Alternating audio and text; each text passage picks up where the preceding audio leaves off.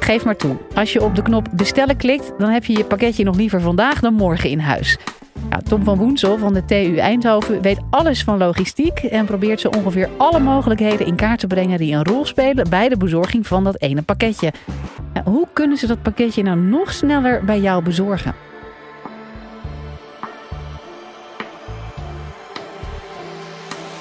Live vanuit Club Air is dit de Universiteit van Nederland.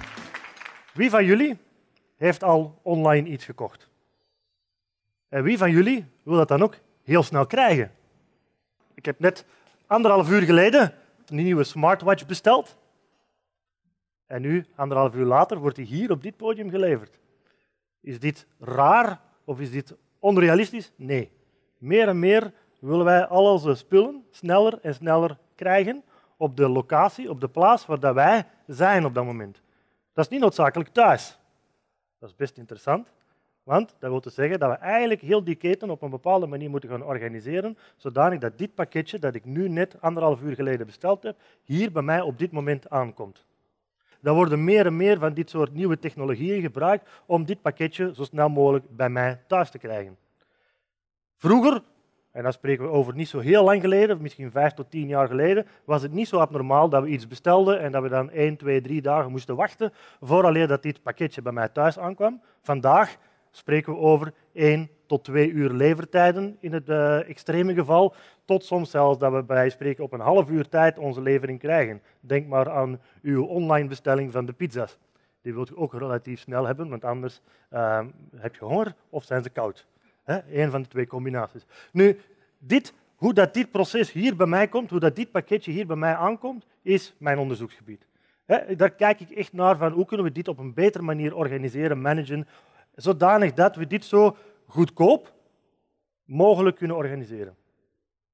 En goedkoop kun je natuurlijk interpreteren op verschillende mogelijke manieren. Groen, eurotjes, wat dan ook.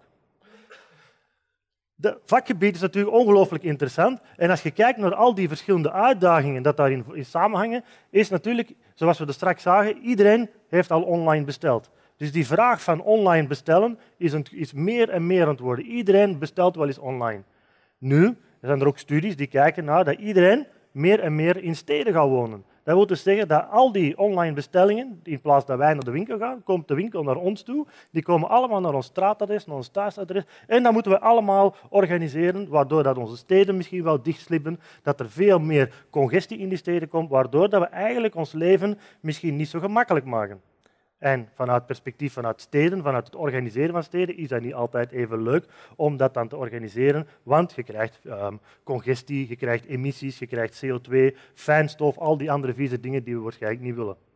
Vanuit een bedrijfsperspectief, mijn, mijn leefwereld, mijn, mijn laboratorium zit in bedrijven, is natuurlijk voor bedrijven om dit soort processen te organiseren, is ongelooflijk moeilijk omdat die complexiteit, die grote vraag, al die verschillende pakketjes die volledig gefragmenteerd zijn, in die keten moeten georganiseerd worden.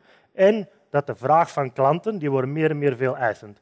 Maar het is interessant om te kijken welke efficiëntiewinsten kunnen we daar toch nog uithalen. Laten we eens kijken naar het volledige koopproces dat we meestal doorlopen. En er zijn verschillende variantjes mogelijk. Maar meestal is het zo dat we eigenlijk ofwel online kopen direct, ofwel denken we van, hm, we gaan eens eerst langs de winkel lopen en we gaan daar eens kijken en we gaan vergelijken en we gaan vragen van wat is een goed product. En dan denken we van, oké, nu weet ik het wel, nu ga ik thuis even kijken naar het, uh, dat product dat ik wil kopen en liefst zo goed goedkoop mogelijk krijgen. En dan koop ik het eigenlijk online. Op dat moment dat we het online kopen, dan is eigenlijk, start eigenlijk mijn leefwereld. In de zin van dat we gaan kijken naar distributiecentra. Distributiecentra die doen orderpicking. Die gaan eigenlijk zorgen dat jouw smartwatch die je besteld hebt, opgepakt wordt, ingepakt wordt, klaargemaakt wordt voor levering, zodanig dat eigenlijk die pakketjes met logistiek dienstverleners of de PostNL's of wat dan ook, in termen van bedrijven, zorgen dat die pakketjes bij jou uiteindelijk aan de deur komen. Als we natuurlijk dat pakketje gaan volgen, dan is dat best een interessante oefening. Als ik in België woon, uh, ik woon in België, wat zo stellen, en uh, als ik bestel, dan, heb ik eigenlijk, dan zegt de logistiek dienstverlener tegen mij, ik, wij brengen het tussen 9 en, um, en 6 uur s'avonds. Dat is een vrij groot tijdsvenster dat je dan kunt stellen. En dat zal altijd wel, um, zal altijd wel lukken tussen 9 en 6 avonds te leveren. Als je kijkt in sommige andere landen, en ook afhankelijk van welke logistiek dienstverlener dat je gebruikt, krijg je soms tijdsloten die heel kort zijn. Hè? Dat je van tussen 9 en 11 gaan we leveren enzovoort, enzovoort. Waarom kunnen we dat beter en beter organiseren? Data. Hè? Al die informatie over de consument, en we willen ook de wensen van die consument meenemen in dat planningsproces, dat kunnen we veel beter organiseren. En dan kun je dus ook veel slimmere routes gaan bouwen. Veel slimmere manieren gaan organiseren, zodat die mensen uiteindelijk die pakketjes tussen 9 en 11 krijgen. En dan krijgen wij ook informatie. Vroeger was het een zwart gat. Dan was het van, ah, ik heb het besteld, het zal misschien wel eens aankomen, ik weet niet goed wanneer, maar we zien het wel komen. Nu proberen we natuurlijk via online systemen veel meer inzichtbaarheid te krijgen in die keten en proberen we die veel beter te begrijpen. Als je die pakketjes natuurlijk begint te volgen, dan is een beetje de vraag van, ik heb er straks gesproken over logistiek dienstverleners, wie gaat uiteindelijk dat pakketje bezorgen? En vandaag zijn dat vaak logistiek dienstverleners. In de toekomst kan dat misschien wel eens helemaal anders worden. Dan hoeven dat niet noodzakelijk logistiek dienstverleners niet meer te zijn. Als je kijkt, er is iets wat wij noemen crowd logistics. En crowd logistics is eigenlijk het systeem dat ehm, wij samen het logistieke systeem gaan organiseren.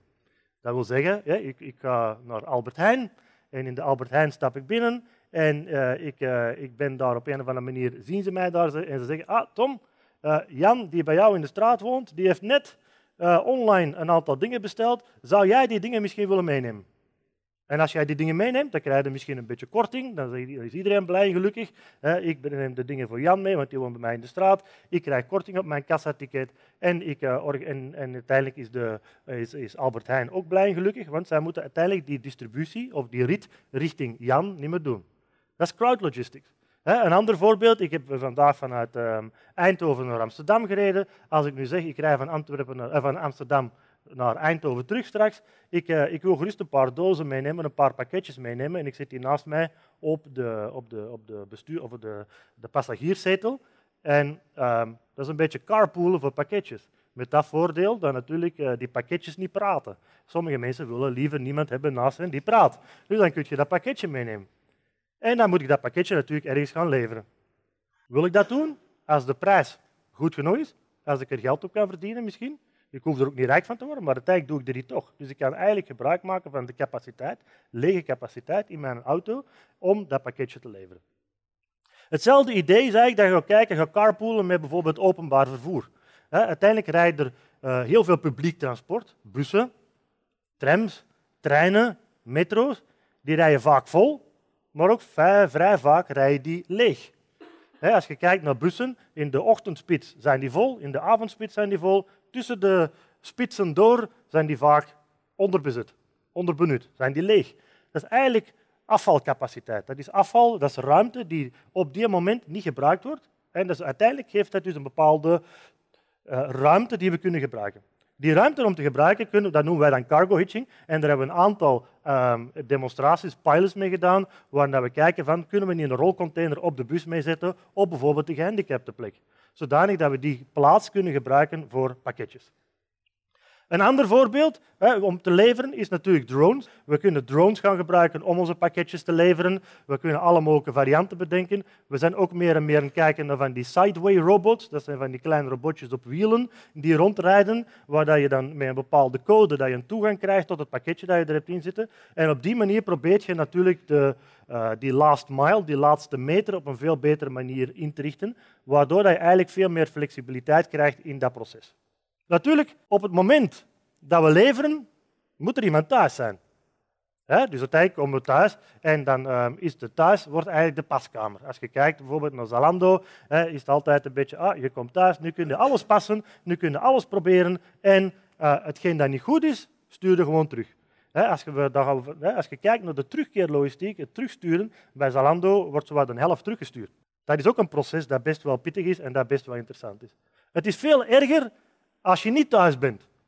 Want op het moment dat de logistiek dienstverlener op de bel duwt en je bent niet thuis, dan is eigenlijk die zijn winst al kwijt. Dan verdient hij niks meer op die rit.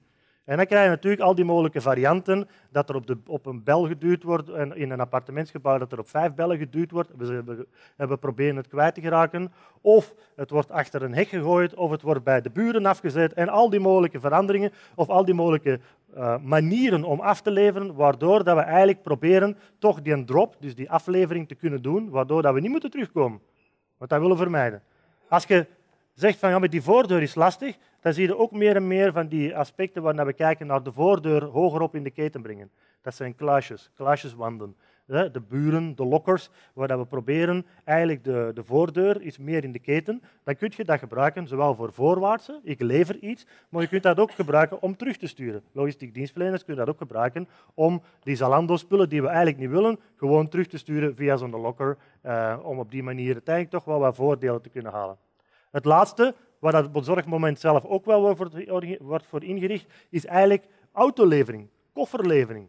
In de zin van, ik rij met mijn auto van A naar B, ik parkeer hem aan B en op dat moment ehm, heb ik wat geshopt en ik wil het laten leveren in een auto. Of ik heb online gekocht en ik zeg, breng het maar naar de koffer, steek het in de koffer met een bepaalde code en je kunt die koffer open doen en de bestelling wordt daarin geleverd.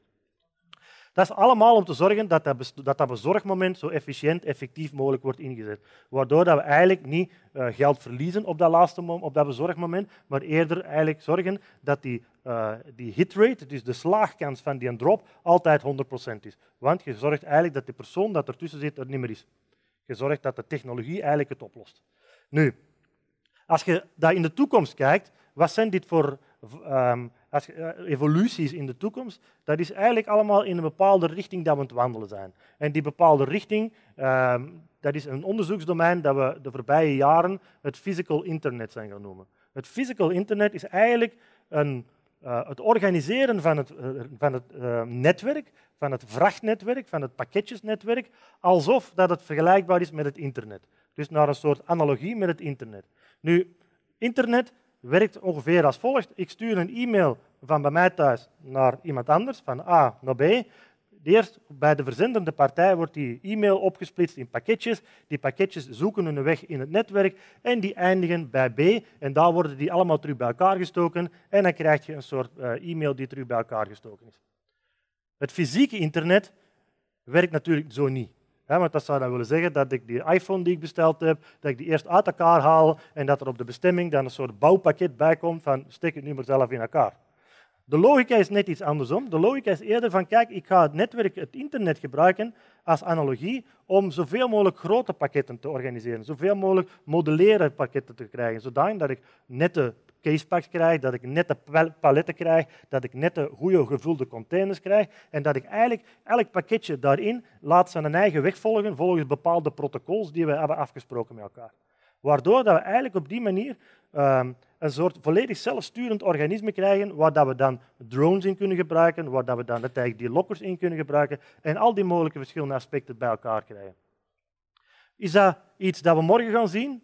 Waarschijnlijk niet. Is dat iets dat we overmorgen gaan zien? Misschien ook niet. Maar het is op zich wel een heel leuke, interessante denkoefening om, in dat, om naar dat puntje op de horizon te gaan denken van wat wil dat nu zeggen. Alles waar we nu mee bezig zijn, zit eigenlijk wel in de richting van physical internet te gaan. Dus dat is best wel uh, een, een, een pittige denkoefening. En in de praktijk zien we dat nog niet direct gebeuren, maar heel veel van die aspecten lopen wel in die richting. Nu, de hoofdvraag waar we vandaag over spraken is natuurlijk hoe komt jouw pakketje straks nog sneller bij jou aan?